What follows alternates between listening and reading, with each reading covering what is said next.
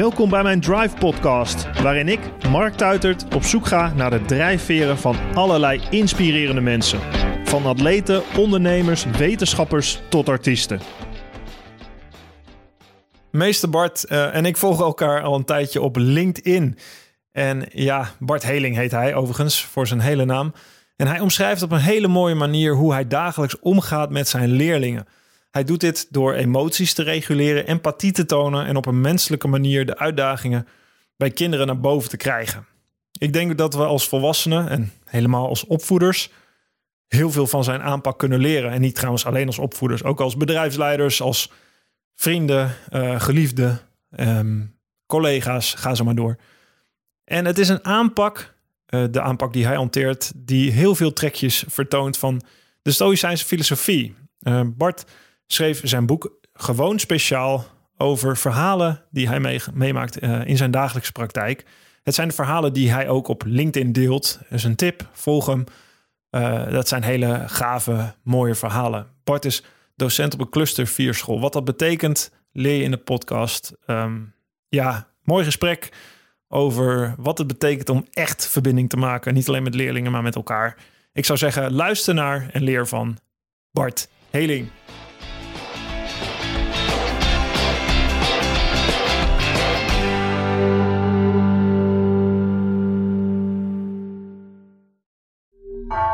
Vanaf de redactie van NRC het verhaal van vandaag.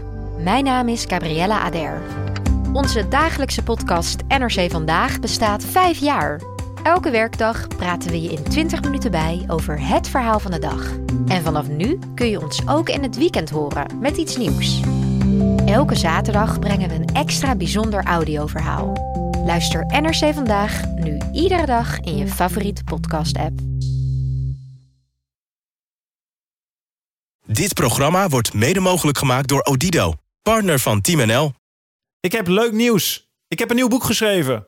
Flow, de Stoïcijnse mindset voor een rijkelijk stromend leven.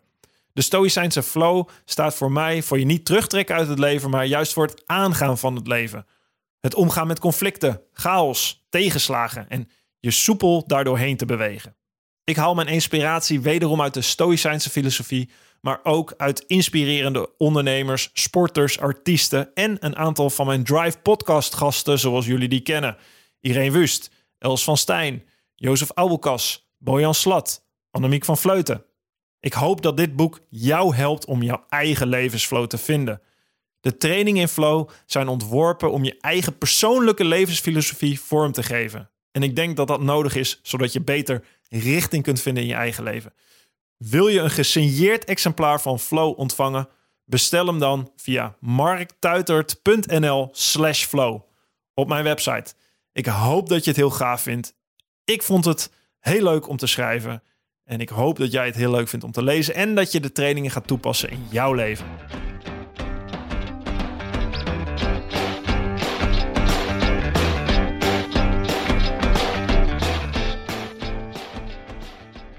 Bart, uh, top dat je hier bent. Je begint meteen, ja, ik zei, hè, we doen altijd zo'n geluidscheck van tevoren over uh, wat je hebt gegeten. Dus je hebt de microfoon nu goed voor je neus staan. En je begint meteen met een verhaal over je dochter en over jouw eetpatroon. Zou je dat nog een keer kunnen vertellen? Ja, natuurlijk. komen we er meteen in voordat we het, we gaan het over kinderen hebben, over opvoeden. Oh, jij bent leraar over hoe jij met kinderen omgaat, wat je prachtig mooi omschrijft uh, in je boek en onder andere op LinkedIn posts. Maar hier naartoe, wat, het begint altijd ergens bij jezelf natuurlijk. En in dit geval misschien ook bij je eigen kinderen. Mm ja, ik uh, vertelde dus wat ik had gegeten vanochtend. En ik uh, begin de ochtend altijd met spinazie. En dan maak ik een omeletje van met een paar eieren. En dat doe ik nou een jaar of zes, zeven, denk ik. En dat heeft zijn oorsprong in het feit dat onze dochter in die tijd, toen ze nog in de tienertijd zat, vastliep op de, op, op de HAVO, had ze ook een eetstoornis ontwikkeld. En die hebben we op de een of andere manier kunnen omdraaien, dat haar focus werd verlegd naar eh, het feit dat ik graag wilde afvallen. En toen werd zij mijn voedingsadviseur. Oh. En toen, uh, ja, toen heeft ze mij geadviseerd onder andere om de koolhydraten achterwege te laten. En uh, daarmee ben ik afgevallen in drie maanden tijd. En ja, je ziet er gewoon fit uit. Jij was, je was wat zwaarder.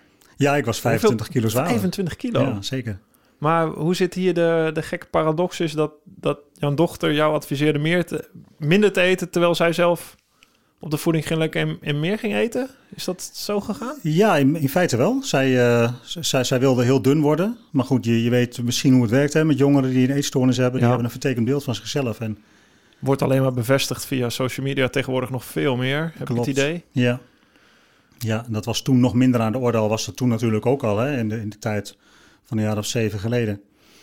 Maar ehm, ja, we hebben de focus op de een of andere manier kunnen verleggen. En dat was een tijdje in de sportschool. Toen hadden ze zo'n fitweek. En ze Mhm. gingen mijn, mijn buikomvang meten. En dat was ongeveer een, een meter. En toen zei die vrouw van, nou, dat is wel een beetje veel, eh, Bart.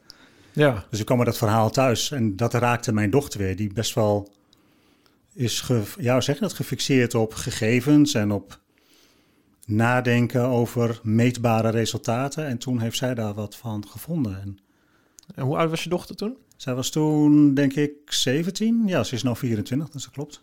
En wat is dat inmiddels eh, helemaal oké? Heeft ze daar iets mee gedaan? Nou, met dat stukje wel. Ze Ja. is wel oké met hoe ze eruit ziet. Eh, Ze heeft wel eh, nog heel veel last van, van dwang, want zij heeft ja, een dwangstoornis. Ze woont wel in een appartementje, maar Ja.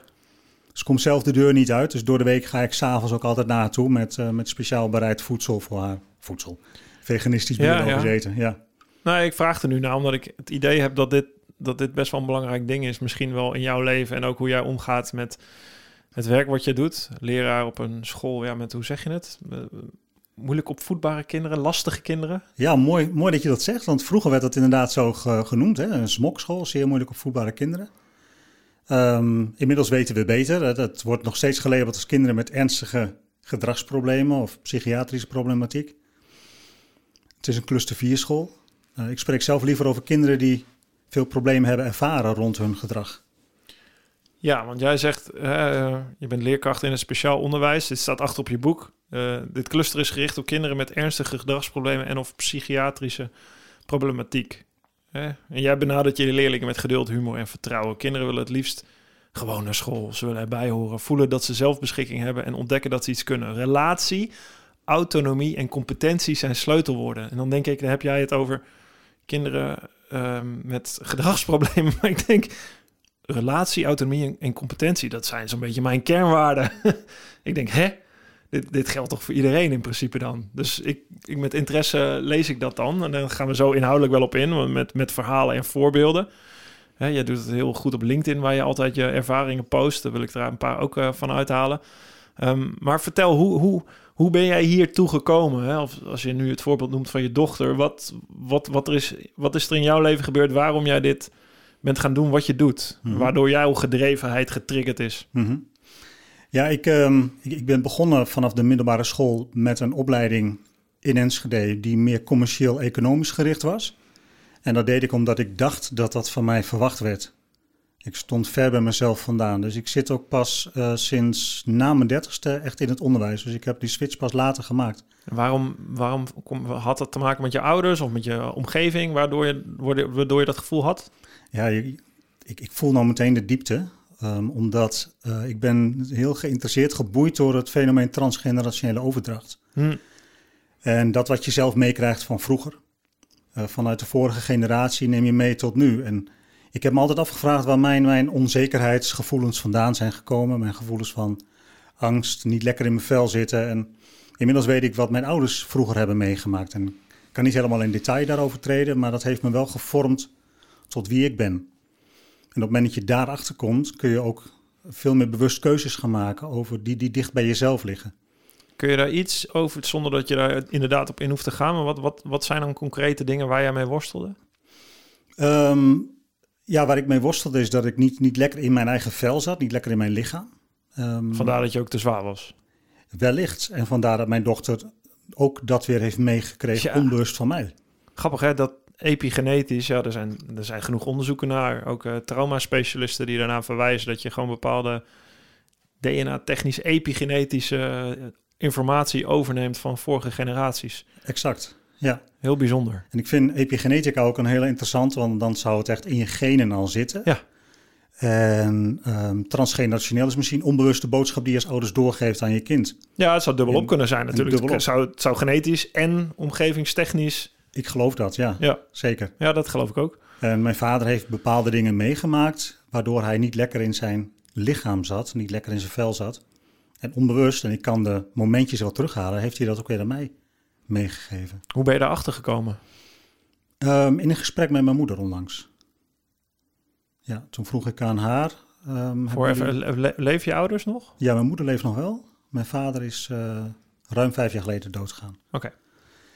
En ik vroeg aan mijn moeder, hebben jullie een lastige jeugd gehad vroeger? En toen kwamen de vroeg je dat? Los. Omdat mij dit, dit onderwerp zo bezig had. Ik Hmm. zie dat bij mijn leerlingen. Ik heb mezelf afgevraagd waar mijn gevoelens van onzekerheid vandaan komen. Ik ben boos mijn ouders geweest in mijn uh, jeugd. Herkenbaar. Ja. ja. Alleen ik wist niet waarom en mijn ouders wisten ook niet waarom ik boos op hun was. Omdat zij altijd vol liefde en bescherming ons hebben opgevoed. En dat hebben ze ook. En wat zei je moeder erop? Toen ik vroeg over die lastige jeugd, toen kwamen de verhalen los van wat mijn vader heeft meegemaakt en wat zij zelf heeft meegemaakt. Weet je, het zijn oorlogskinderen. Hè? Ja. Dus een hele andere tijd. Ja. Maar was dat... Um... ja, dat is toch frappant. Want hoe oud ben jij nu? Ik ben 52. 52. Dat je op je 52ste die vraag durft te stellen en erachter bent dat daar heel veel zit en dan ook zoveel terugkrijgt? Ja, ik, ik vond dat een, een opening ja, waar ik op zat te wachten die ik nodig had. Maar ja, weet je, dan lees ik in jouw boek dat jij 25 was toen jij, ja. dat staat in Drive, ja. met je vader het contact hebt hersteld. Ja. Ja. Ja. ja, ook met uh, behulp van uh, familieopstellingen, familiesystematiek. Ik heb Els van Stijn, uh, schrijfster van de Fontein, in mijn podcast gehad. Mm -hmm. Goede vriendin van me geworden. geweldig veel wijsheid zit erin. Um, ja, ik heb... Ja, ik, ik beschouw mezelf gelukkig dat ik aan topsport heb gedaan, omdat ik dat... Ik, ik dwong mezelf dat uit te vinden en uit te vogelen, omdat ik voelde dat daar iets zat. Ja. En dat, daar kwam mijn boosheid vandaan. Het kwam, ik gaf mijn vader de schuld over, een, over, de, over de scheiding met mijn moeder eigenlijk. Wat ja, totaal aan hun is. Niet van mij als zoon om daar iets van te vinden per se. Maar ja, daar zit je natuurlijk middenin. Ik ben ook nog de oudste. Ja. Dus ja, dat, dat gebeurde bij mij, uh, deed dat heel veel. En nog steeds, nog, daar ben ik nog lang niet klaar mee. In die zin dat het je leven lang kom je weer achter dingen, ben je weer verder. En is dat zo fascinerend uh, hoe, dat, hoe dat doorwerkt. Ongelooflijk. Ja. Want ik, ik had het van de week met mijn zoon over, mijn zoon van 22, dat um, mijn vrouw en ik zijn echt bezig met betekenisvol Mhm. mm -hmm. werk, mm -hmm. zingeving. En, maar op die leeftijd hebben zij dat helemaal niet. Nee, toen ik twintig was wilde ik, uh, je wilde de wereld veroveren, toch? Ik weet niet wat je zoon... Uh... Ja, ja die, die werkt nu wel. Hij heeft net zijn diploma vorige week mogen ophalen in, in, in Zwolle. En, maar hij werkt omdat hij dingen wil doen. Hij wil op vakantie straks.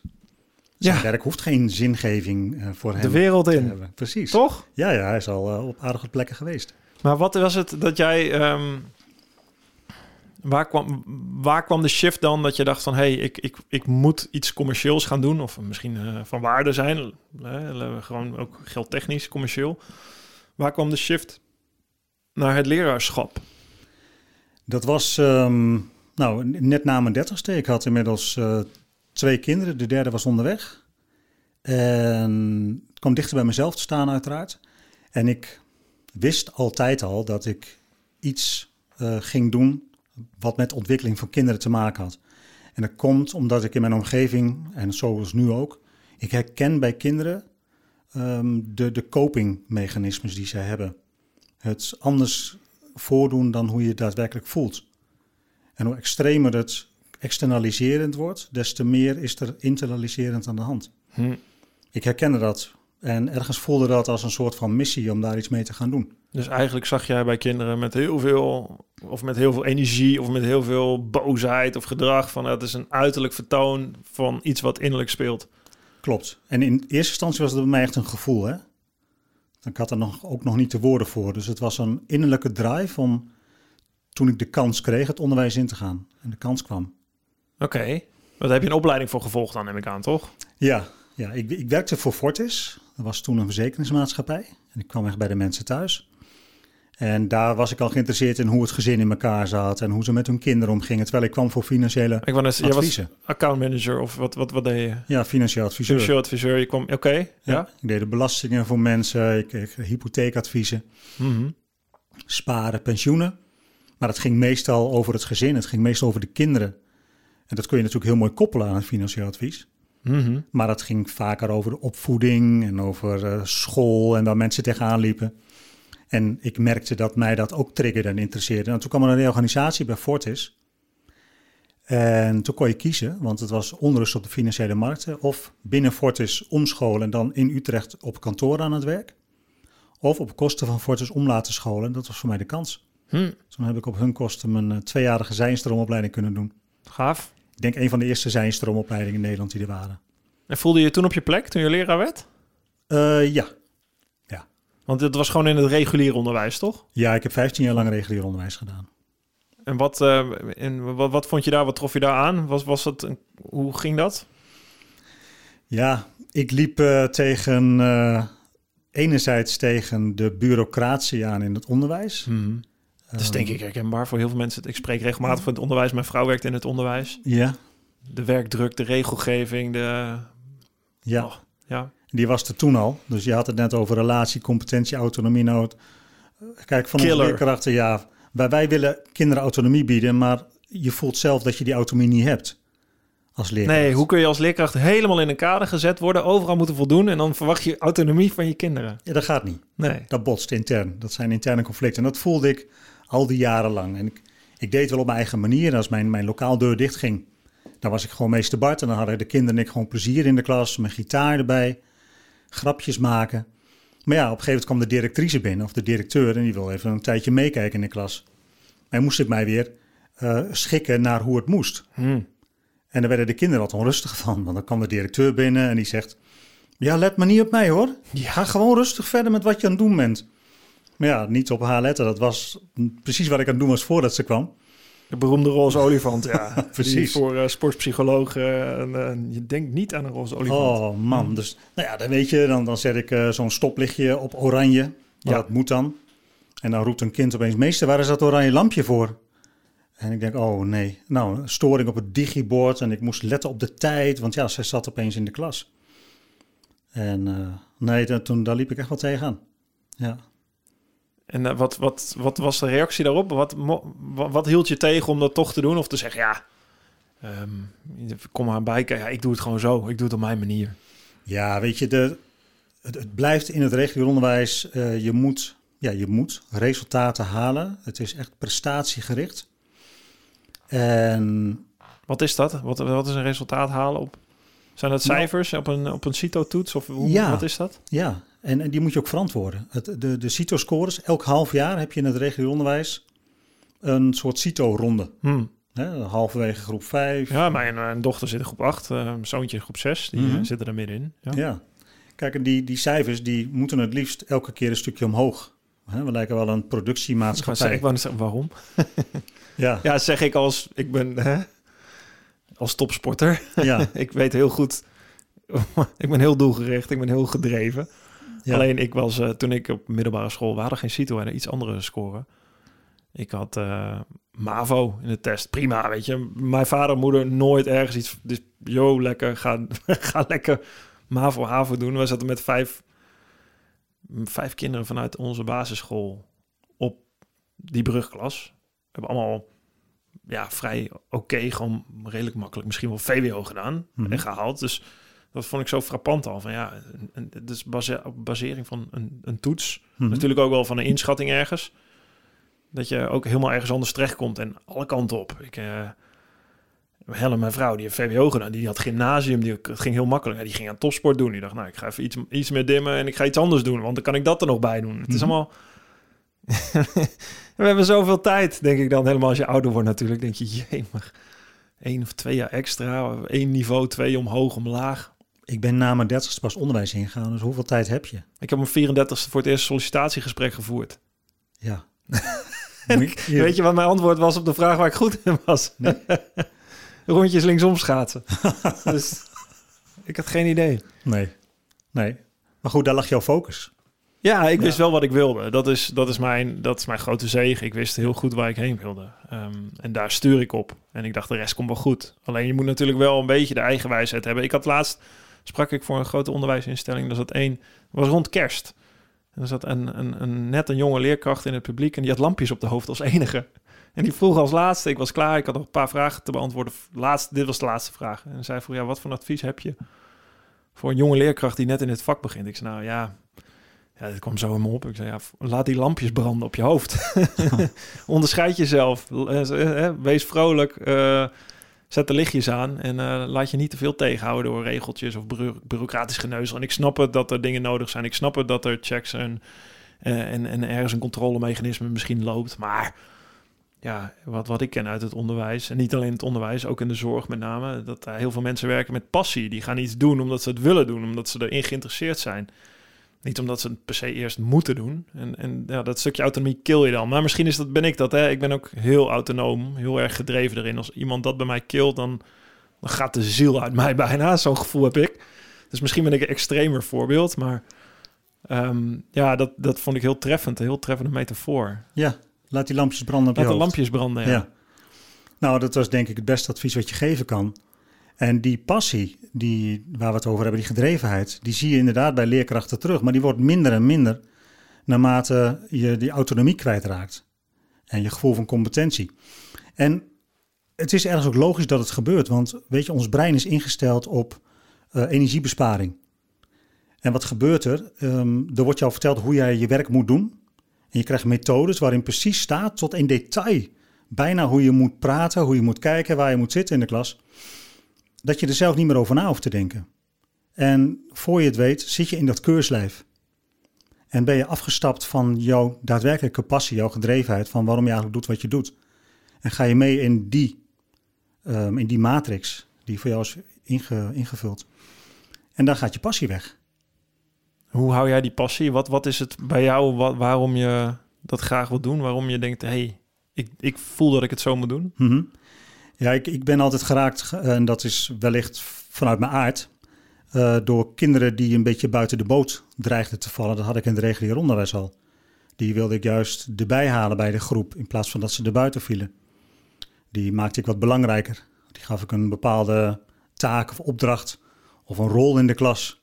Van, oh, heb je een probleem met je, met je Chromebook of met je, hè, ergens mee, dan moet je bij hem zijn. Hij heeft daar verstand van zodat mensen, de andere kinderen daadwerkelijk naar hem toe gingen, terwijl hij altijd alleen stond.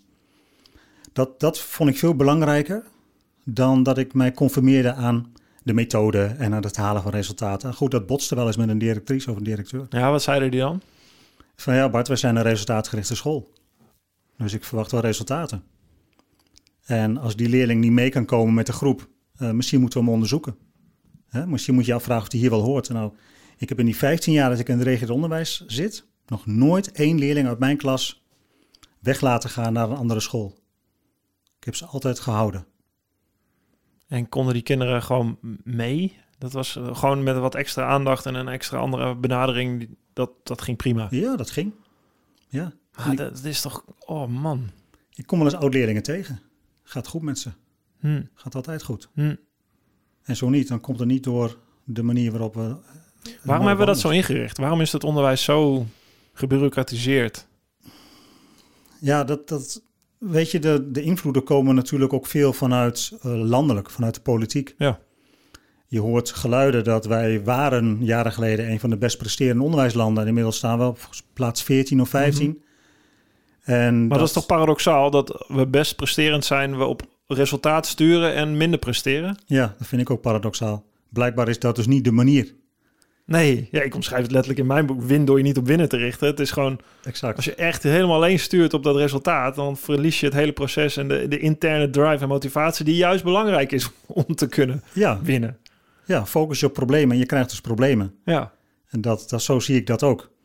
En, en daarmee is het plezier uit het onderwijs voor een groot deel weggegaan. Ik denk dat de externe druk zo groot is geworden Um, weet je, als je het hebt over onderwijsdruk, hè, druk in het onderwijs, dan wordt er veel genoemd uh, de administratie in de grote klassen.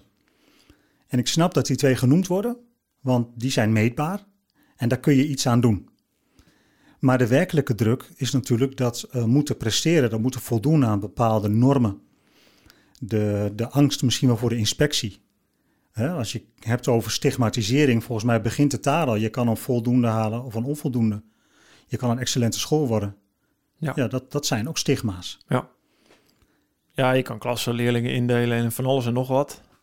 Klopt. In, uh, Ja, dan denk ik, ja, ja, ik ken dat als topsporter. Had je ook een indeling goud, zilver, brons. Maar dat is verdorie topsport. Dit is Mhm. het, de top, top 1% in een hyper competitief veld waar iedereen voor kiest of niet. Ja, Het is niet, het is niet opleiden. Het is niet mensen, mensen het leven inzetten. Vol leren leven. Maar toch beschrijf jij in je boek dat ook die prestatie die je als topsporter haalt, eh, een achtergrond heeft van teamwork. Ja. Dat je dat samen doet. Ja. En dat je elkaar tot grotere hoogtes weet te krijgen. Absoluut, de uitdagingen, de lat hoog leggen, de groot dromen, hè, daar, daar vol voor gaan. Dat is, dat is fantastisch. Dat drijft mij heel erg om heel veel uit mezelf te halen.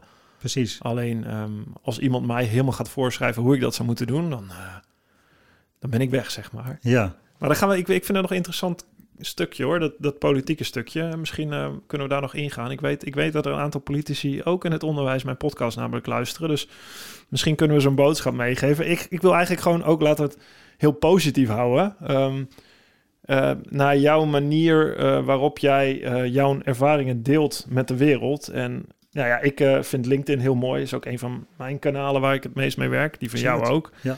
Ehm, ik, achterkant van je boek. Wat, wat je eigenlijk doet, is jij, jij maakt met voorbeelden heel goed duidelijk hoe jij te werk gaat met kinderen. Met, nou ja, laat, laat ik hier op de achterkant van jouw boek staat, staat een, eh, een, eh, een voorbeeld. Gewoon speciaal. Kijken vanuit kindperspectief heet jouw boek. Er staat, laat mij maar even meester.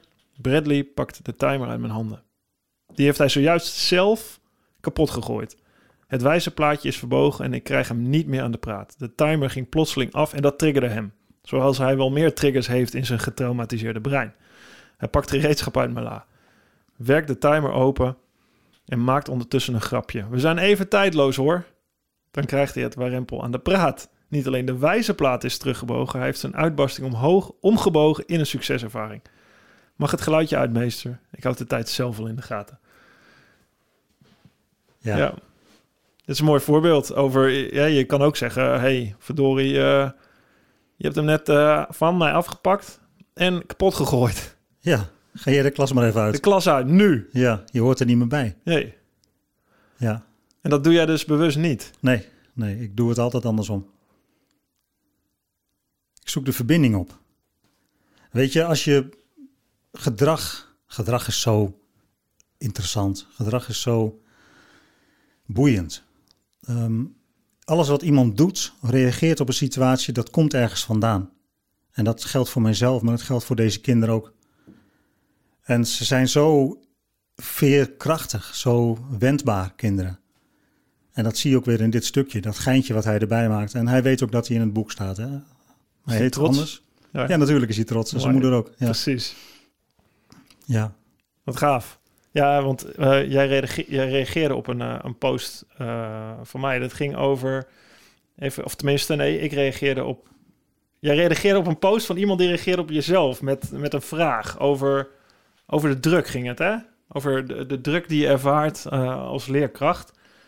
Ik zit even te kijken bij welke post dat was. Oh ja, jij zegt... ehm, je zal wel moe zijn na zo'n dag in het speciaal onderwijs. Bart, de vraag die jij krijgt, integendeel. Ja, ja nee, ik, eh, ik, ik word helemaal niet moe van dit werk.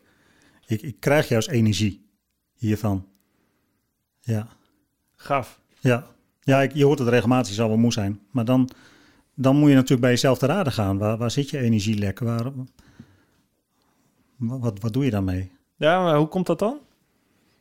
Hoe bedoel je? Nou, waarom, waarom blijf jij rustig? Waarom ben je niet moe? Waarom ehm, kost het je geen energie? Maar is, is, dat is toch dan die autonomie? Omdat jij zelf een manier vindt. Klopt. Ik heb ontdekt dat, en, en daar heb ik, heeft LinkedIn mij zeker bij geholpen, dat de reactie die iemand geeft, is van diegene zelf. Zegt helemaal niets over mij. Toen ik net begon op LinkedIn, toen kreeg ik ehm, ook wel eens nare reacties. Misschien heb jij ze ook wel eens gehad op social media. Oh ja, zo, genoeg. Ja, hè? Ja, nee, maar dat is inderdaad precies dezelfde les. Eh, maar dat is met alles een oordeel. Ik zeg het ook wel mensen om me heen. En dat is niet makkelijk. Dat, dat, een oordeel raakt je ergens altijd wel ergens diep van binnen. Eh, en hoe meer het je raakt, misschien hoe meer waarheid erin zit. Maar het is altijd dat wat iemand anders zegt. Het zegt zoveel meer over iemand die het oordeel geeft dan vaak over jezelf. Volledig. En ik, ik kon wakker liggen van zo'n nare reactie. Ook al zaten er honderd lovende reacties tussen van wat een geweldige leraar en wat ben je briljant. Nou, dat streelt je ego. Maar die ene reactie van nou, uh, wat belachelijk dat jij dat zo gedaan hebt of uh, wat doe jij in het onderwijs, weet je, zoiets. Ja. Daar kon ik s'avonds nog om liggen malen. Daar kon ik niet in slaap vallen. En daar ben ik over na gaan denken. En de volgende keer dat het weer gebeurde, heb ik diegene een vraag teruggesteld. Maar wat was er nou dat jou raakte Ja. in dit verhaal? Mhm. En de ene keer blijft iemand zoals die op dat moment reageert. Maar de andere keer komt daar een heel verrassend antwoord. En gaan we achter de schermen verder praten. Soms tot een kopje koffie aan toe. Mhm. Ja, daar krijg ik kippen wel van. Mooi ja. Ja, Ja, dat is, eh, ik, heb, ik heb me best wel verdiept in Socratische vraagstelling. Mhm. Super mooi instrument, vind ik. Juist om dat te doen, inderdaad. Een concreet voorbeeld te zoeken en niet te oordelen of ook niet terug te oordelen over iemand anders, maar de vraag te stellen van ja, waar komt er nou, wat is nou echt, wat is nou echt de dieperliggende oorzaak hier? Wat ligt hier nu achter? precies. Het is toch precies hetzelfde nou kinderen zijn of volwassenen? Ja, Guus Hiddink heb ik in mijn podcast gehad, een van mijn eerste podcasts, die zei ja, Mark, weet je wat ik heb gedaan? Ik heb een les gegeven op een school van moeilijk voetbare kinderen. Gewoon sportlessen. Hij zo, ja, dat weet je. En die ging dit ook doen. Een keer arm om iemand heen. Nou, je ziet het zo voor je. Guus Hiddink die een arm om zo'n jochie heen slaat en zegt... Hé hey, jongen, hè, wat is er nou aan de hand? Misschien moet je de bal even zo spelen. Of misschien is dat jochie eh, die nou boos op jou is... helemaal niet zo erg. La, la, la. Hij zei, Mark, ik, tien jaar later was ik hoofdcoach van Real Madrid. Precies hetzelfde. ja? Precies hetzelfde. Dat zijn ook gewoon eh, moeilijk opvoedbare kinderen. Topsporters zijn natuurlijk ook een beetje... Ja, die hebben wat extremere uitingsvormen of gedragsvormen. Dat is ook gewoon eh, ja, functioneel. Super energiek. Vaak ook wel ergens ego gedreven. En ergens heel graag willen komen, willen presteren. Nou ja, dat komt soms... Nou, ik ken er genoeg. Nou, kijk naar mezelf. Hè? Dat komt ook ergens... Dat ik boos ben op mijn vader of ergens op mijn twintigste een soort blinde bewijsdrang heb. Ja, dat komt ook ergens vandaan Precies. ja, soms heel nuttig misschien om eh, als topsporter ver te komen. Maar om een volledig mens te worden, even een ander verhaal. En dat is Guus Hiddink, die, die, die dan een arm om die jongens heen slaat. Ook, ook al verdienen ze miljoenen. En zegt, jongens, hey, we moeten het toch samen doen. Die doet zo, die doet zo. Jij bent die, jij bent dat. Laten we maar samen gaan regelen, jongens. Het is universeel. Ja, Het is net of iedereen wat bij zich draagt van vroeger. Hè, vanuit dat transgenerationele stuk waar we net over hadden. En of je nou een, een topsporter bent die miljoenen verdient. Of een jochie uit een achterstandswijk dat op de, op de middelbare school zit voor, voor moeilijke opvoedbare kinderen, zoals ze vroeger genoemd werden. ja. Het is universeel. Nou, je ziet het. Ik, ja, dat is grappig vandaag. Ja, je hebt mijn zoontje ontmoet. Die stond net beneden, Tom, negen jaar oud. Het is vakantie, mijn vakantie. Ik eh, probeer tussen mijn werk door eh, ook wat meer thuis te zijn, vind ik fijn. Maar eh, hij was vanochtend ehm, was hij heel, heel boos. Zijn zusje weet natuurlijk precies hoe hij hem moet triggeren. En eh, Tom, ja, dat is in die zin een beetje een topsportertje. Hij lijkt wel een beetje op mij, net zoals ik op mijn vader lijk. Hij is ook, ja, hij wil niet verliezen, maar als, als zijn zusje hem triggert, dan, eh, ja, dan, dan kan hij nog eens agressief worden, zeg maar. Mhm. Eh, en dat had hij vanochtend. Ik zei, ja, nou, dit, dit doen we niet. Dit zijn de regels. Dus vandaag is de regel dat je niet op je telefoon meer mag, geen games. Er wordt niet meer gegamed. Nou, echt, de wereld was te klein. En eh, dan moesten we heel goed, Helle mevrouw en ik, gewoon, jongens, we gaan hem nou echt wel aan die deze, deze regel houden. Hè? Soms is het of dan ben ik weg, of dan, is het, dan is het, wordt er weer gemarchandeerd. Ik zei, dit is de regel, maar ehm, we proberen wel te kijken, waarom, wat, hè, om zijn boosheid te reguleren, daarin mee te gaan, niet er meteen op de, nee, niet, niet terug boos te worden en erop te acteren, wat ik best wel moeilijk vind. Ook al heb ik een boek over stoïcijnse filosofie geschreven, is dat ook mijn initiële reactie voor ik denk, verdomme, dit doe je niet Aha. Kalm blijven, kalm blijven. Ik ben de volwassene hier. Ehm, en uiteindelijk, waar het op uitkwam, na een uur bijna ja, in, met zichzelf vechten, knokken. eh, de hele hal lag hier vol met alles wat hierboven. Ons dekbed lag hier beneden in de hal. Echt hè? Hij haalde er alles bij, omdat hij heel erg boos was dat hij niet mocht gamen. En uiteindelijk ging het over in een soort verdriet of pijn. Ehm, en dan was ja, jullie houden niet van mij. Eh, weet je, dat gesprek. Omdat, omdat wij hem dan regels stellen. En dat kwam echt best wel diep van binnen. Dus dat vond ik ook wel mooi. Dat wij hem uiteindelijk natuurlijk... Tom, we houden- met 200% van je, met 1000%. Dat je dat gesprek krijgt en dat hij daarna... Nou, je ziet dat hij nu rustiger is. En nou, Mhm. wil nog heel graag naar de Mario-film of iets. En eh, Ja. vlak voordat jij kwam, nou, je hebt het gezien, je stond erbij. Ik zei, nou, je mag niet gamen. Ja, ik kan nu ook. Ik zei, nou gaan we toch naar de film vanmiddag. Ja. Lachen man, kom, let's Ja. go. Ehm, maar toch het iets blijven vasthouden en wel de grens stellen. Maar daarna het gewoon maar zijn beloop laten gaan. En dat kost tijd. Ja, Dat natuurlijk. kost, dat kostte twee uur, Ja, drie uur. Ik krijg ook telefoontjes tussendoor. En dat is ook, ik denk, ja, maar ja, dit is waar we even doorheen moeten. En die boosheid en die energie. Maar er zit ook zoveel energie in, zoveel Ontzettend. kracht. ja, Dat is ook zo mooi aan de ene kant. Als je dat eruit slaat en zegt, dit mag je niet en dit moet niet en dit... Ja, als je dat gaat reguleren, ik- ja, je moet het reguleren, je moet een weg vinden. Ik hoop dat hij, dat ik in verbinding met hem blijf, met, met z'n allen, dat, dat hij dat kan uiten. Ik zei, uit dit als je boos bent. Hij zei, ja, ik ben kwaad op jou. Ik zo, top, Mhm. fijn dat je het zegt, zonder boos te worden. Ik zei, als je het gewoon zegt, dan ja, snap ik. ja. Weet je hoe graag ik wilde gamen vroeger? ik snap je hartstikke goed. Maar ja, Ja, en je vraagt je ouder altijd af van, doe ik dat op de juiste manier? ja, Staat die sanctie in verhouding tot hetgene wat hij gedaan heeft? Is- Ja. Zit daar een verband, zit daar een leermoment in voor hem? Ja? Ja. Ja, ik merk dat hij... We hebben heel vaak zijn we te laks erin. Denk, ja, laat ook maar. Ga maar weer. Maar nu deden we het niet. En dan moet hij er doorheen. Dus dan gaat Ja. hij door die kwaadheid. Gaat hij door die pijn. Dan gaat hij... Ah, je dacht natuurlijk van, eh, meester Bart komt vandaag, dus ik moet wel even heel consequent zijn. Ja, precies. Dat dacht ik. Ja, zometeen eh, staat hier een schreeuwend kind... Ja, terwijl wij een podcast aan het Ja. opnemen zijn. Wat, wat zou dat... Hè? Ja, dat kan natuurlijk hoe, niet. hoe kijkt iedereen dan naar mij als Ja. vader? Ja. Daar heb ik niet zoveel last van, gelukkig. Nee, maar mooi om te horen dat je wel in verbinding bent gebleven. En, ehm, Nou, dat is precies wat jij zegt, de verbinding. En ja, tien jaar geleden had ik waarschijnlijk gedacht, ah, pff, dan zat ik misschien ook nog meer in de topsport. Verbinding, Mhm. verbinding. Maar dat is zo belangrijk. ja. Dat stukje wat je... Ik heb het met een publiek, als ik op een podium sta, de, echte verbinding, de connectie maken, dat voel je. Mhm. Voel je natuurlijk ook met je kinderen, met iedereen om je heen, met vrienden, familie, eh, geliefden. ja. Maar dat, ehm, dat stukje, dat is toch de crux. Ook Ja, in een absoluut. klaslokaal. Nou, en daarom stuur ik het liefst een kind er ook niet uit. Want dan is de verbinding weg. Ja, Dan heb ik ook geen zicht meer op wat hij doet, maar vervolgens is hij alleen. En, eh, en dit was veel waardevoller. ik kan het alleen niet meten. Nee, En dat is dan waar, waarom, waarom niemand daarop stuurt of waarom dat niet... nee je kan het niet meten in, in schoolresultaten bedoel Nee. jij? Nee. En dat is het mooie natuurlijk, omdat ik in het speciaal onderwijs werk, in het cluster 4 onderwijs. Ehm, resultaten zijn niet voorliggend bij ons. Wij zijn een onderwijsinstelling, hè, we vallen zelfs onder een andere wet, de wet op de expertisecentra. En kinderen hebben persoonlijke doelen. En natuurlijk moeten wij ook onderwijs geven, maar het is niet het voorliggende stukje. Hm, Gedragsregulatie is natuurlijk heel belangrijk bij ons. ja. ja, je zou bijna zeggen overal. Maar dat geldt voor jullie natuurlijk nog extra omdat dat extremere gevallen zijn. Je hebt gelijk, het zou overal belangrijk moeten zijn. Ja, hier staat eh, Charlotte Ridder, die reageert op die post van jou, wat, eh, wat jij zei, hey, je zal wel moe zijn na zo'n dag. Eh, zij zegt, hey, ik, ik pak, dat doe ik eigenlijk bij geen enkele podcast, maar wel bij LinkedIn, omdat je daar zulke mooie verhalen op schrijft. Beste, Mar, beste meester Bart, ik merk dat ik energie van mensen, klein of groot, in sommige gevallen overneem. Mijn lijf wordt dan ook druk, bijvoorbeeld. Zou je iets willen vertellen over hoe jij dat aanpakt? En dan zeg jij, ja, ik, zal het je even vertellen, maar het blijft tussen ons. op LinkedIn en nu op een podcast. Ja, grappig. Sorry Charlotte. Ja, dat is grappig. Ehm, maar kun je daar iets over vertellen? Je omschrijft het hier in een... eh, en, en, dat- en je tagt mij erin, om het gaat over... dat, dat is een mooie link ook met het stoïcisme, waar ik heel veel bij voel. En zoveel komen bij mij ook weer heel veel dingen voor elkaar, bij elkaar.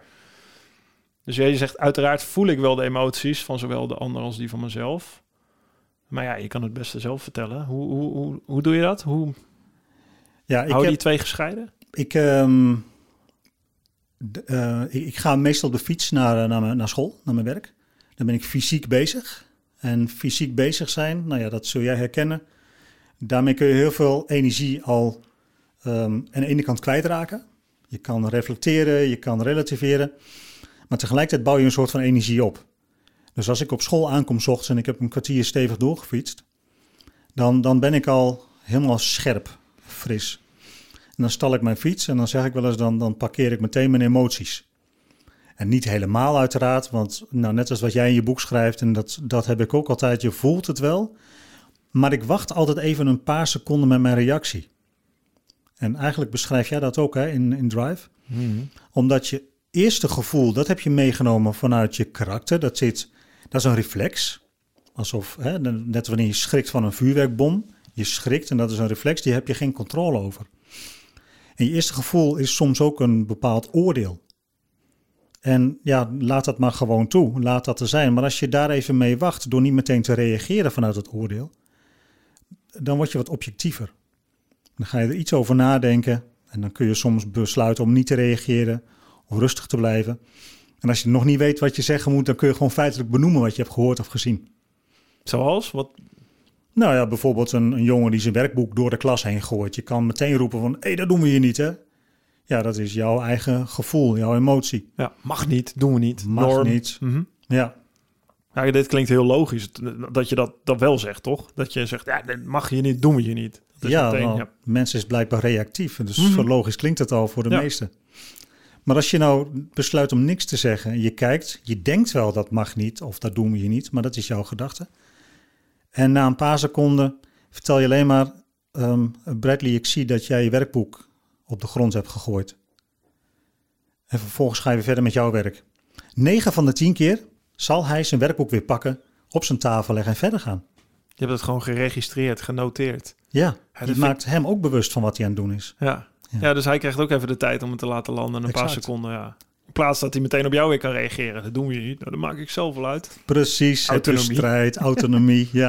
Als Maar niet hem op- geeft, dan eh, pak ik hem wel. Ja, en nu gaf ik hem ook, maar dan op een andere manier. Ja, dat, ja, dit klinkt... eh je had eh, Epictetus kunnen zijn. Ja. De beroemde filosoof uit de eerste eeuw na Christus... die dit heel mooi omschreef, inderdaad. De eerste impuls, de eerste korte initiële reactie... inderdaad, heb je niet onder controle. Alles wat je daarna doet wel. En dus ook onthouden van eh, reactie of oordeel... of het even laten zijn... Ja, ik zei het vanochtend nog toevallig tegen, tegen, tegen mevrouw Helen met Tom... waar we het over hadden. Van ja, soms... Soms is het ook gewoon heel goed om iets te registreren, inderdaad. Van, eh, nou ja, dat- zoals Tom zei, ik ben heel boos. Oké, ik hoor je. Je bent heel boos. Genoteerd. Ja. Ja, mooi gespiegeld. en dat is wel grappig. Ik heb, ja, ik heb bedrijven. Ik, je zit, ik zit in aandeelhoudersvergaderingen. En wat mij wel eens opvalt als de druk heel hoog wordt. Hè, natuurlijk heb je, je hebt juridische conflicten. Je hebt persoonlijke conflicten. Dat gebeurt natuurlijk allemaal op het scherpst van de snede. Dus in topsport zo, in het bedrijfsleven zo. Alleen wat mij opviel is dat hele goede managers, bestuurders... die kunnen in, in zo'n conflict situatie die emoties noteren, zeg maar. Van ja, oké, dit speelt, genoteerd. We nemen dit mee, we overwegen dit. Maar we gaan er nu niet per se op in of we reageren er niet op. Maar wel genoteerd. Ge-? Echt, Mhm. nou, gewoon ook letterlijk genoteerd in de notules, in de notities. Echt, hè? En dat vind ik, eh, ja, ja zo, dat herken ik eigenlijk eerst helemaal niet uit topsport. Dat is soms ook reactief. Hoewel je als je in een baan zit in, op een Olympische Spelen, dan moet je juist heel kalm kunnen blijven en niet op andere dingen reageren. Maar dat kunnen dus hele goede bestuurders, en waar ik dan op let, of ondernemers ook in een, eh, in een AVA, gewoon heel kalm blijven en heel goed scheiden, de rollen kunnen scheiden en de emoties kunnen scheiden van wat er feitelijk gebeurt. Dat kunnen benoemen en dat dan even daar maar laten. Ja. Vond ik zo knap. Ja, ik vind dat heel mooi. Mooie eigenschappen. En in plaats van reactief ben je dan eigenlijk heel proactief. Je benoemt het wel. Je houdt eh, een soort van regie over dat proces. Ja. Bij jezelf, maar ook bij de ander. Ja, maar dit is toch zo fascinerend. Helemaal, ja, ja, ik herken het. hè. Je komt uit een opvoeding, je komt uit een... Nee, mijn, mijn ouders waren ook eh, enigszins explosieve types. Heel sterk, heel, heel, heel, heel... eh, ja, soms een oorlog van emoties. Er Mhm. waren wel emoties, gelukkig. Mhm. Af en toe liepen die een beetje links en rechts uit de hand. Maar dat, dat, dat je dat kunt leren, dat, je, dat is zo paradoxaal. Dat de initiële reactie die hem eerst hebt, bap, ergens direct op reageren, zo primair is. En dat, je, dat die heel, veel, heel schadelijk kan zijn, heel vaak. Ja, ik, ik heb laatst een stukje daarover verteld in een, bij een congres. En ik denk dat dat het belangrijkste is wat je als leerkracht en misschien wel als mens ook kan leren. Dat inzicht. Dat alles valt of staat niet met je acties, maar met je reacties. En je kan hele mooie acties uitvoeren, de klas heel mooi inrichten of welzijnswerk gaan doen. Dat kan, maar pas wanneer je met iemand praat en je merkt hoe iemand reageert, dan leer je iemands daadwerkelijke intenties wel kennen. Je reacties, daarmee kunnen we kinderen ook maken of breken. Hè? De manier van reageren. Nou ja, dat zie je dan in het stukje wat je voorlas van, eh, van Bradley. Maar ook online. Ehm, mensen reageren op, eh, op stukjes en, en de wijze waarop ik daar weer op reageer bepaalt de sfeer weer van het hele stukje wat erna komt. Ja, ik denk dat heel veel mensen er heel veel aan hebben. Je, je begint een stukje met, ik wil geen vakantie. Boos of beteuterd staat hij voor me. Bovenbouwer, verbaal sterk en veel eigen regie. Hoe komt dat, jongen? Kinderen willen toch juist graag vakantie? Ik niet, ik wil bij jou blijven. Dat zeggen kinderen tegen jou. Ja. Wow, dat is toch ook... Ja, dat, dat, dat zeggen ze toch niet zomaar tegen iedere leraar. Nee, schrijnend hè? Ja, Ja, ja dit is een bijzondere jongen. Hij is, eh, hij, is, hij is heel diep nadenkend altijd. Hij komt met hele diepe uitspraken ook. En dit was er dan ook eentje van. En, ehm, zijn moeder heeft het ook gelezen en ik kreeg nog een berichtje van haar achter de schermen dat ze het heel pijnlijk en confronterend vond om te lezen. Ja, ik kan me voorstellen. Maar uh, blijf vooral je verhalen schrijven, zei ze. Ja, wauw, sterk. Mm, ja, ook heel sterk, want ja, zijn moeder is natuurlijk degene die onderdeel is van die scheiding die zo moeilijk verloopt met haar man. Al een aantal jaren. En dat jongetje is daar het product van.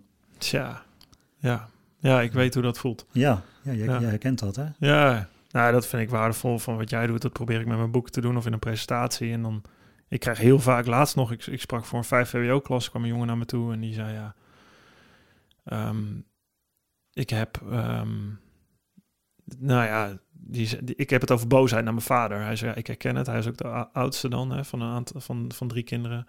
Hij zei, ja, ik heb boosheid. En dat was dan naar zijn broertje, want zijn broertje, nou, is ook een soort, wat ze dan uh, oneerbiedig noemen, onhandelbaar kind. Of heel druk, of heel, nou, moeilijk plakte maar een stikje, stickertje op. Precies. Vroeger uh, zou dat misschien heel handig zijn om uh, tien uur lang op het land te werken als je zoveel energie had, zoals mijn opa altijd deed. Dan, was het, dan kreeg je applaus. Um, hij zei ja, dat was wel mooi, want hij durfde dat te zeggen tegen mij. Ik probeer daarom ook heel open te zijn op het podium. Uh, met zijn vrienden eromheen. En hij zei, ik ben boos, maar ik zag meer verdriet. Ik zei, maar volgens mij is dat veel meer verdriet dan boosheid, toch? Wat ik nu zie. Hij zei, ja, ja, ja, ja, ja want de aandacht gaat uit naar zijn broertje dan in plaats van naar hem. En dat is super begrijpelijk. Ja, ik zei, maar je hebt goede vrienden om je heen zo te zien. Bespreek je dit met je ouders? Ja, ik zei, nou, dan, dan ben je al heel ver. Als je dit zo al durft te zeggen ook. Maar je, de, zulke reacties krijg je dan. En dat triggert me aan jouw verhaal. Als je zegt verbinding. Als je met dat iemand ook naar jou durft toe te komen met zo'n verhaal. Dat is verbinding, toch? Mhm. Dat is echt. Dan heb je echt verbinding van mens tot mens. En het klinkt zo fucking cliché af en toe. Of zo, wat? Verbinding, we willen allemaal verbinding. Maar het is wel zo. Het is mens tot mens. Het is niet een cijfertje, een spreadsheet, een rapportcijfer of uh, flikker op. Het is gewoon uh, dit eruit halen. En uh, als mensen onderling elkaar helpen er iets mooiers van te maken dan dat er was, toch? Absoluut. Ja, iedereen wil zijn verhaal ook kwijt. Ja, maar mensen lopen met, met, met verdriet, met pijn, ja. met fucking emoties. Iedereen. Ja. Ik heb nog niemand meegemaakt die niets had meegemaakt, die niet ergens mee zat of een verhaal had te vertellen. Iedereen. Ja, maar durf het nou eens te vertellen. Ja. ja. ja. en krijg de kans. Ik heb, um, dat is wel een mooie, van mijn dochter geleerd om, en dat noem ik emotioneel neutraal te blijven. Mijn dochter, wat ik in het begin vertelde, hè, mhm. die, die mij heeft geadviseerd in mijn voeding. Zij kwam uh, iets daarvoor nog zelfs naar, een keer s'avonds laat naar beneden. En ze vroeg van, uh, papa, ik moet je iets vertellen. Het was laat op de avond. Ik stond op punt om naar bed te gaan. Iedereen sliep al en toen stond ze, was ze net 16.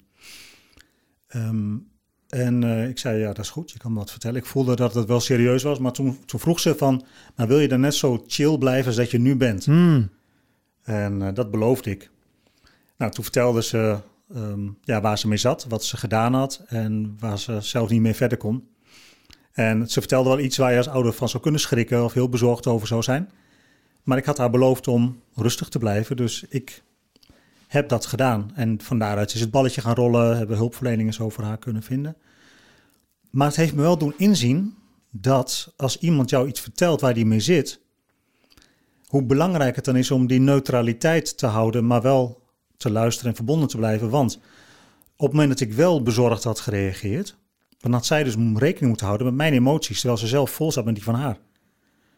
En dan klappen ze meestal dicht.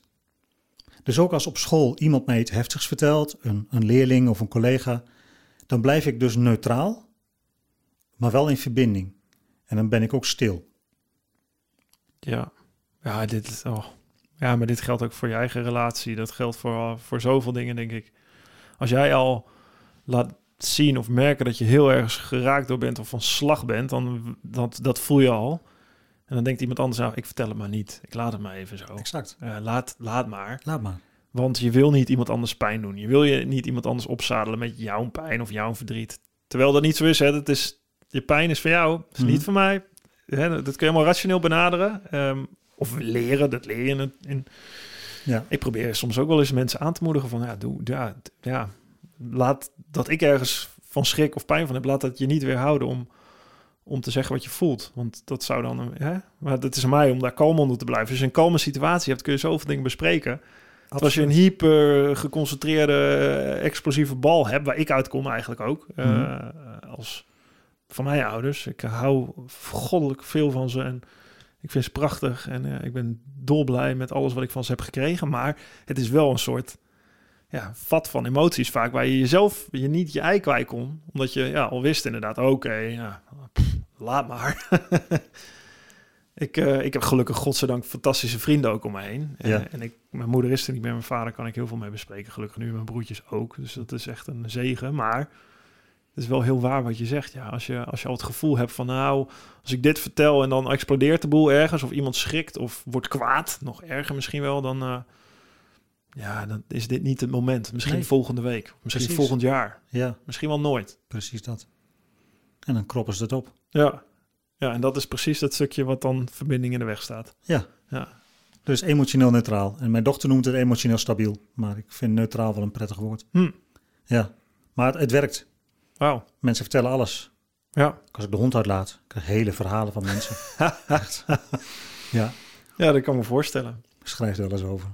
Ja, ja, Ja. ja. Dat doe je heel leuk, moet ik zeggen, op, Ja. eh, op LinkedIn. Dat, eh, dat- dat is tof. Mooi kanaal op deze manier ook om... eh, ja, er wordt ook zoveel gepost op social media... waar je echt allemaal mening, helemaal niks aan hebt. Gewoon verhalen vertellen, hou ik sowieso van.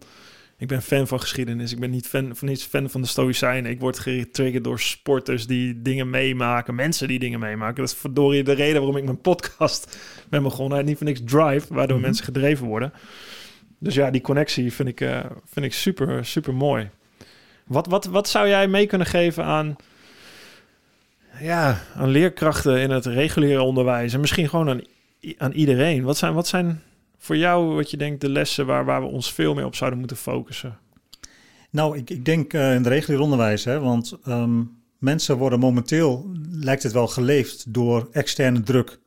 Door die onzichtbare hand op je keel bijna van het moeten presteren. En het zit hem echt niet in de, de, de kleinere klassen of minder administratie. Tuurlijk werkt dat wel mee. Eh, dus, dus ga vooral op zoek naar het plezier wat je in je werk kan vinden. En eh, leuk, het woordje leuk, is een, eh, is een graadmeter voor de intrinsieke motivatie. Dat begint al bij kinderen. Op het moment dat een kind zegt van ik vind het niet leuk meer, dan weet je dat je dus te ver bent gegaan. Als een leerling in mijn klas zegt ik vind het weer leuk om naar school te gaan, want ik heb een klasje met thuiszitters. En een kind zegt dat ene zinnetje, het is weer leuk om naar school te gaan, dan weet ik dat ik mijn doel eigenlijk al behaald heb. Dus ga op zoek naar dat wat leuk is in het onderwijs. En maak het onderwijs ook leuk voor kinderen. Want op het moment dat kinderen ontspannen zijn en met plezier naar school gaan, dan gaat het leren vaak ook al een stukje beter. Hoe doe je dat als kinderen binnenkomen? Of als...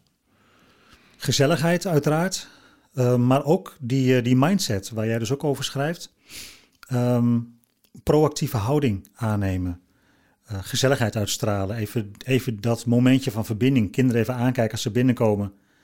Het begint eigenlijk al als je op de fiets, hè, als ik jou hoor op de fiets, eh, de emoties parkeren, even aanstaan, fysiek ook. Ja, Binnenkomen, kinderen aankijken, gewoon intentioneel er gewoon er zijn. klopt.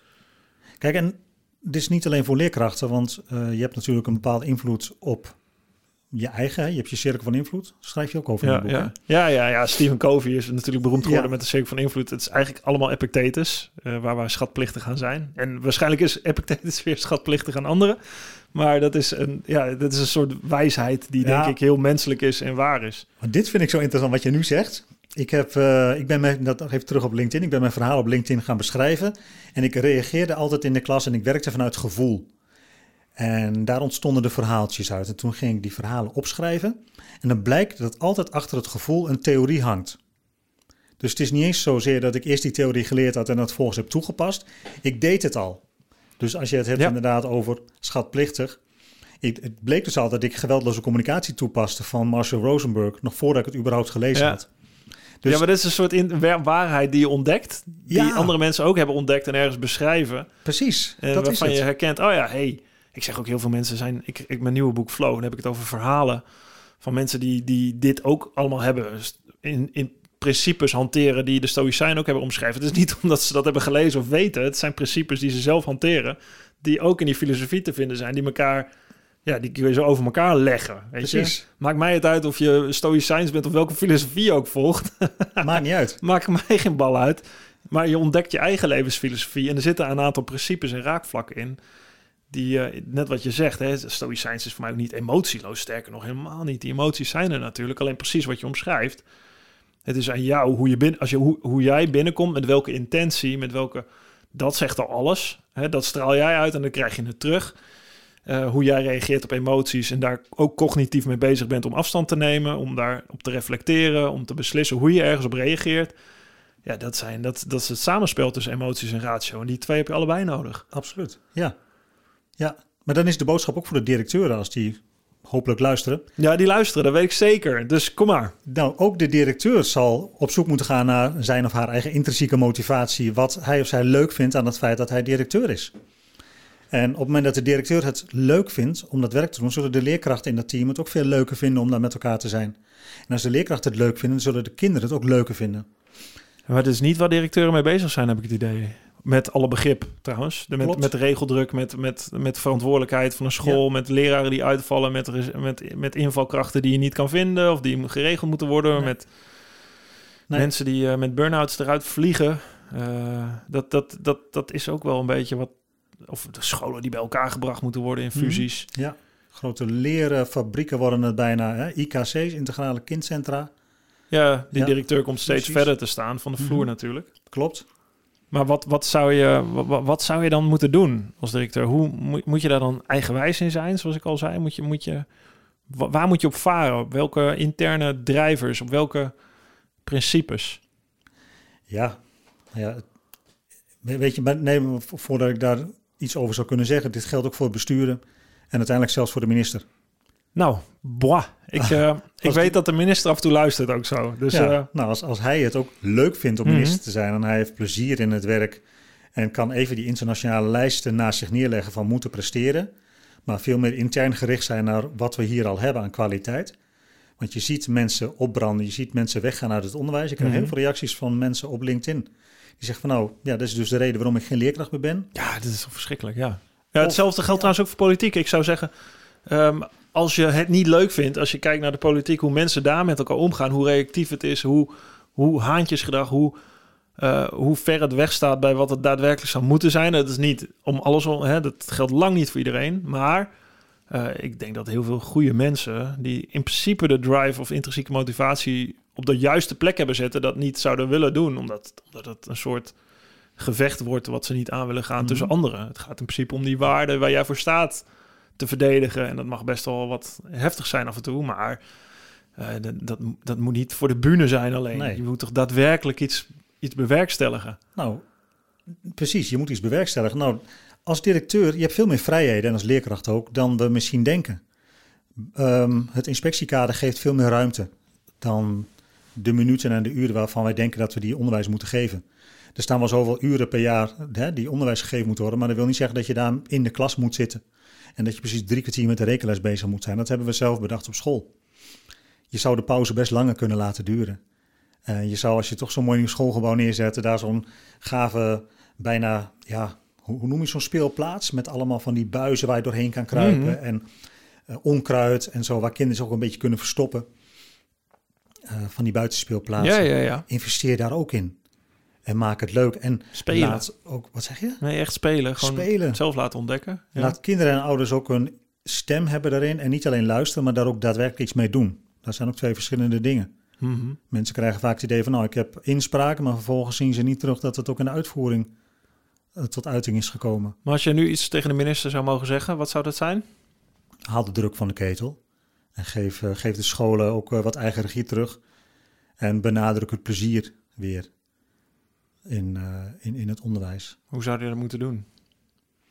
Nou, weet je, de, ik denk dat de minister wat minder zichtbaar mag zijn. We hebben een minister Minder? die eh, op dit moment heel zichtbaar is. En waardoor je bijna gaat denken van, eh, gaat het nou hier om de minister of gaat het om ons? Hm.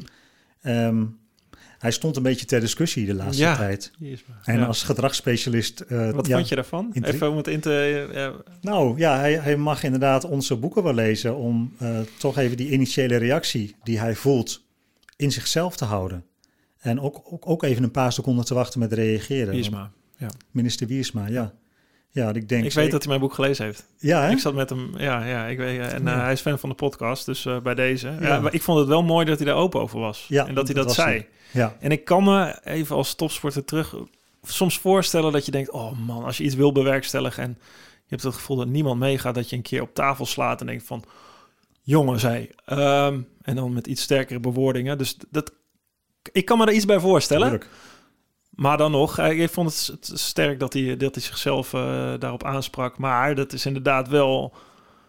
Hoe ver, als het hè, vanaf... Dat is wel een opdracht ook meteen aan hem. Om, om dat door te laten voeren. En om, om daar een soort rust en kalmte in te brengen. En elkaar zien. Dat is al een soort... Dat dat het niet een prestatie maatschappij of een prestatie dingetje wordt. Maar dat, het, dat de rust kalmte in komt ergens. Ja, kijk, resultaten haal je niet van de een op de andere dag. Nee. Daar gaat een veel langere periode aan vooraf. En als je nu eerst investeert in het feit dat uh, onderwijs leuk is en dat mensen graag voor dat beroep willen kiezen, Mhm. dat je met elkaar plezier maakt en laat die internationale lijsten maar even los, die Mhm. ranglijsten. Ehm, en investeer daar nu in. En maak het vak dus op die manier aantrekkelijk. En dan zul je volgens mij over misschien 10, 15, 20 jaar echt wel gaan oogsten. Ja, maar, Maar is niet- dat het ook niet in politiek? Dat gewoon de, de, de lijnen zo kort zijn dat je nu wil oogsten. Dat en, denk en, ik. En ik begrijp ook wel dat als je iets wil doen, dat je het nu wil doen en dat er ongeduld op zit. En dat je. En dan moet ook iemand soms druk op een ketel zetten en door willen pakken. Dat snap ik heel goed. En dat vind ik, dat vind ik, dit vind ik het fascinerende. Ook voor mij als topsporter ook. Hè, en die hele stoïcijnse mindset. En wat jij omschrijft. Ik weet, de waarheid is de verbinding zoeken.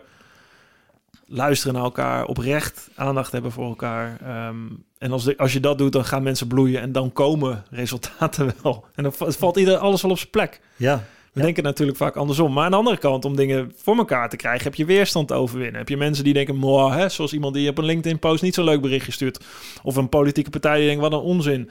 Of iemand die zegt, ja, het is allemaal wel, maar we moeten wel aan de cijfertjes voldoen. Dus je hebt ook ergens een soort daadkracht nodig en een soort, ja, een soort, soort, soort ambitie en gedrevenheid om die muren te slechten. En Mhm. daar heb je ook energie en, en dus, en dat snap je wat ik bedoel? Dat Ja. is een soort, het is een spanningsveld wat heel interessant is, waar je hoe kunnen we aan de ene kant zorgen dat, dat je die daadkracht behoudt en de kracht behoudt om die muur te slopen. En aan de andere kant zorgt dat je verbinding hebt en, en de relatie legt en het begrip toont en de emoties Ja. kan. ja, kijk, als je ervan uitgaat dat er een muur is, dan zul je moeten slopen. Ja, Ja, dat is wel zo. Maar als je er nou, als je er nou vanuit gaat dat er geen muur is, maar dat iedereen wel wil, ja, dan heb je een hele andere manier van nadenken daarover. Ja. En ik kan me voorstellen, voor de minister, eh, ga er maar aan staan. Er zullen meerdere belangen achter hem Mhm. meespelen, waar wij wellicht geen weet van hebben. Plus de korte tijd die hij relatief gezien maar heeft. Kijk, ik kan ervoor kiezen om 20 jaar lang leerkracht te blijven. Ja. Hij kan niet nu zeggen, ik blijf de komende 20 jaar minister van Onderwijs. Nee, dus eigenlijk wat je dan zegt is van als we hier open over kunnen zijn, dan hè, leg dit ook op tafel. Weet je, ik heb een korte tijd als minister, ik wil hier ergens komen. Ja, hoe gaan we dat? Hoe kunnen we elkaar helpen om daar te komen? Precies. Is dat het stukje verbinding? Wellicht. En, en dat de opvolger dat dan het stuk dan ook overneemt. Dat, Hmm. dat die verbinding er ook is. Maar ja, een opvolger in het onderwijs die zal het wellicht weer anders willen gaan doen. En zo loop je eigenlijk altijd achter de feiten aan in de politiek. Ja, ja, oh man. Zou niet mijn eh 1, 2, 3 eerste keuze zijn. Maar heel veel respect voor de mensen daarvoor, die daarvoor kiezen hoor. Echt eh, super. Ja, maar weet je, de kennis en de wijsheid is al bij ons. Hè?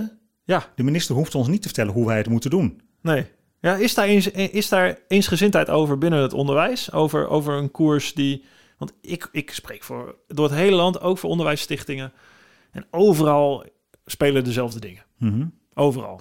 Dus je zou zeggen, het onderwijs moet toch best wel een, eensgezind zijn in, in wat er ontbreekt en waar behoefte aan is. Ja, ik denk dat het onderwijs vooral eensgezind is in, in het zien van de problemen die er momenteel zijn. Hm. Maar niet zo eensgezind, eensgezind in de oplossingen en waar we nu naartoe moeten met elkaar. Daar, daar mogen we best over steggelen. Kijk, als je door Nederland naar basisscholen gaat, en of je nou van Enschede tot Rotterdam of van Maastricht tot Groningen, Hm. er wordt blijkbaar op, op elke basisschool in de basis op dezelfde manier lesgegeven. Ja. Allemaal het directe instructiemodel, allemaal volgens dezelfde methodes. Kinderen zitten allemaal met hun gezicht richting het bord of in groepjes van vier. Ehm, en daar zou je best eens kritisch naar mogen kijken. Is dat de manier waarop wij het onderwijs in willen richten, ja of nee? Of zouden we daar ook heel kritisch naar mogen kijken? Ik was vorige week op een vrije school in Emmen om te kijken eh, naar een leerling. En het viel me op dat in die hele vrije school geen digiborden waren. Dus geen scherm waar kinderen naartoe gezogen werden met hun aandacht. En er was een rust. En er was verbinding met elkaar. Hm. En ik was echt geraakt daardoor. En weet je, dat, ook daar zou oogvermogen zijn. En hun leerlingaantal is verdrievoudigd in korte tijd. Maar dat is wel een signaal, vind ik. Ja. Dus dat zegt iets. En ik denk dat je dat soort signalen ook mee moet nemen als je het hebt over onderwijs. Hm. Waar is nou behoefte aan? Het aantal thuiszitters is nog nooit zo hoog geweest volgens mij. Nee, het, tijdens corona is er natuurlijk, uh, dat is ook een hele kaalslag geweest natuurlijk. Ook onder leerlingen, met, of leer, leerkrachten met druk, maar Mhm. leerlingen mentaal ook. Ja, Blijkt uit allerlei onderzoeken. Is Klopt. dat niet iets wat we op school ergens eh, zouden moeten leren dat het gaat? En het zijn natuurlijk kinderen, je, je hebt niet hele filosofische concepten, dat heeft nog geen zin denk ik. Maar eh, de, de, de veerkracht, de, of onderschatten we ze misschien, kinderen wel? Dat je, dat je denkt, van, misschien zijn ze wel veel veerkrachtiger, laat ze maar. En eh, misschien moeten we ze een beetje sturen en moeten we ze begeleiden en dan komen ze er wel. ik denk dat laatste. Ehm, als, hè, heel simpel voorbeeld, als twee leerlingen ruzie met elkaar hebben en we willen als leerkracht ingrijpen. En dan wordt het een dingetje. Terwijl we soms ook even kunnen wachten en niet ingrijpen. En ze lossen het op en vijf minuten later spelen ze weer samen. Dat zijn kinderen. Hmm. Ja, ken je de documentaire De Jong Plato? Nee. Ik omschrijf een stukje in mijn boek daarover. Dat Ja. is een, een, een schooldirecteur in Ierland. Mhm. in, een, een hele heftige wijk tussen de katholieke protestanten. Hè. Als je het hebt op generatieconflicten. Het is daar aan de gang. Van oudsher, eeuwenlang, protestants tegen hè, de, de ooms en tantes en de vaders en moeders... die hebben nog met elkaar lopen knokken. Ja? En die kinderen moeten eh, ja, met elkaar overweg op die... Oh, het is een jongensschool. En eh, op een gegeven moment komen er twee jongetjes... ehm, hebben gevochten op het schoolplein. En die leren ze, nou ja, er is gevochten. Dus nou, er, volgt een straf. Hè, dit mag niet. Hè, zoals ik Tom probeer uit te leggen. Ja, Eh, hij, hij, hij, sloeg zijn zusje. Nou, dat mag niet. Dat, dat, is, dus, is een straf. Dat is niet game vandaag. Nou, punt. De straf is niet onderhandelbaar. Dit is de straf. Maar... Ja, wat betekent vriendschap voor jullie? Vraagt hij hun. Hè? Eh, hij probeert ze echt via Socratische methodes eh, mee te nemen. Ehm, waarop die kinderen met elkaar zeggen, nou, ik vind dit vriendschap en ik vind dat vriendschap. Dus uiteindelijk komen ze erachter, ja, een vriend verdedigt mij altijd. Nou, heeft de jongen je nu ruzie heeft jou wel eens verdedigd? Ja, dat heeft hij wel een keer gedaan ergens. Hij zei, oh, nou, dat kan. Wat vind jij? Dus jongens kwamen zelf met de definitie van vriendschap. Ze die hadden gegeven, zei hij eigenlijk, nou, hoe kunnen jullie, hoe kunnen jullie dit oplossen? Niet, schud nu handen, zo los je het op. Nee, hoe kunnen jullie het oplossen? Nee, die kinderen kwamen zelf natuurlijk met, nou ja, we kunnen elkaar de hand schudden. Nou, schud elkaar de hand. We zijn weer vrienden. En we gaan weer verder. Fantastisch, hè? Ja, het is zo'n mooi voorbeeld. Dat je denkt, oh, maar ook zo leerzaam. Niet alleen voor leerkrachten, niet alleen voor kinderen. Gewoon voor ons volwassenen. Laat ik beginnen met mezelf. Weet je, dat zijn, dat zijn constant dingen. Daarom vind ik het ook zo interessant in deze principes. Of het nou om eh, wat jij vertelt in je LinkedIn-post of in een boek. Of in, ik vertel in mijn boek. Het zijn constant dingen die iedere, die zo gewoon lijken, maar dat zijn ze niet. Daar moeten we iedere dag voor werken. Hè? We moeten iedere dag ergens daarmee bezig zijn. Het in ons achterhoofd hebben dat we niet meegaan in die eerste impuls, maar dat we die verbinding blijven zoeken. En dat- is zo makkelijk om daarbij weg te gaan. Ja. Onder druk, onder regeldruk, onder spanning, stress, zorgen. Ehm, dat is de grote, vind ik af en toe, grote uitdaging in het leven. Om daar constant jezelf, ja, die lessen je constant te blijven laten voeden. Nou, weet je, wat jij net noemt over die, dat, dat voorbeeld van die jongens met die ruzie, dat, daar komen relatie, competentie, autonomie ook weer heel mooi naar boven. Alles. Alles zit daarin. Ja. Ja. En het- je hoeft het alleen maar te benadrukken en, en ze er bewust van te maken. En jij hoeft niks te doen. Nee, dat is toch heerlijk? Dat is goeie- het ultieme Ja. waar je heen wil, toch? Een goede leerkracht is ook een beetje een luie leerkracht. Ja, dat zeg ik wel eens over topsporters. Ja. Hele goede topsporters zijn in de kern ergens lui. Weet je waarom? Als ze dat niet zouden zijn, dan zouden ze constant zichzelf willen overprofileren en zo hard werken dat ze hun lichaam nooit rust geven, waardoor die trainingsarbeid nooit aankomt. Hele goede topsporters weten, oké, nu ik heb hard getraind, maar pff, ik jij even rusten. deed. Jij ging als een, eh, als een gek trainen, hè? Ik was helemaal toen werd je ziek en toen ging je nog steeds door met trainen. Ja, ja. Ja. nee, dan ben- word je geen, kom je er niet hoor. Nee, dan kom dan ga je er gewoon aan. Dus je Nee. moet ergens een klein beetje de boel de boel kunnen laten Ja. en kunnen herstellen. Er was een leerling die een keer tegen me zei van meester, hè, ik, ik zat op mijn stoel, ik had een kopje koffie en Ja. ik was een beetje aan het rondkijken en observeren. En out of the blue zegt hij eh, tegen mij, ik vertel het verhaal al vaker, van meester heb jij ook een baan? en eh, ja, ik zeg jongen, maar dan weet je toch, ik ben toch, eh, ben toch jouw leraar? Jawel, maar wat voor werk doe je eigenlijk? ik zeg nou, dit is mijn werk. Dus ik zat er met mijn kopje koffie. En hij was helemaal verbaasd. Hij zei, dat meen je toch niet, hè? Dus jij drinkt een kopje koffie en je kijkt hoe ik aan het werk ben. Ik zei, ja, dat klopt. Ja. Nou, dat vond ik zo treffend. Ja, Ja, dus mooi. jij hebt, jou, jij hebt jouw roeping volgens mij gevonden. Ja, ja, ja. Hè? Ja, voorlopig wel. Maar ja, er komen nog zoveel meer mooie dingen op mijn pad. En je weet hoe het gaat hè, als er dingen op je pad komen. Ja. En je wordt geraakt en je wordt daardoor geïnspireerd. Dan kan het zomaar zijn dat je een keer een zijsla, zijafslagje neemt. Ja, ja, Ja. nou ja, dan- ik blijf je volgen. Ehm, hartelijk dank eh, eh, dat je helemaal vanuit Emmen, eh, eh, naar mij toe wil komen voor de, voor de podcast. Vind ik echt uh, super mooi. Ja, graag gedaan, joh. Bedankt voor je boek. Um, Jij ook. En uh, we volgen elkaar op LinkedIn sowieso. Ja, absoluut. Ja. Alright, dankjewel. Dank voor het luisteren naar mijn Drive podcast. Je vindt mijn aflevering op Spotify, iTunes, YouTube en mijn website marktuitert.nl. Laat me weten wat je van mijn podcast vindt en deel dat via Instagram, Twitter, LinkedIn of Facebook. Heb je suggesties voor gasten? Stuur me dan een DM via die.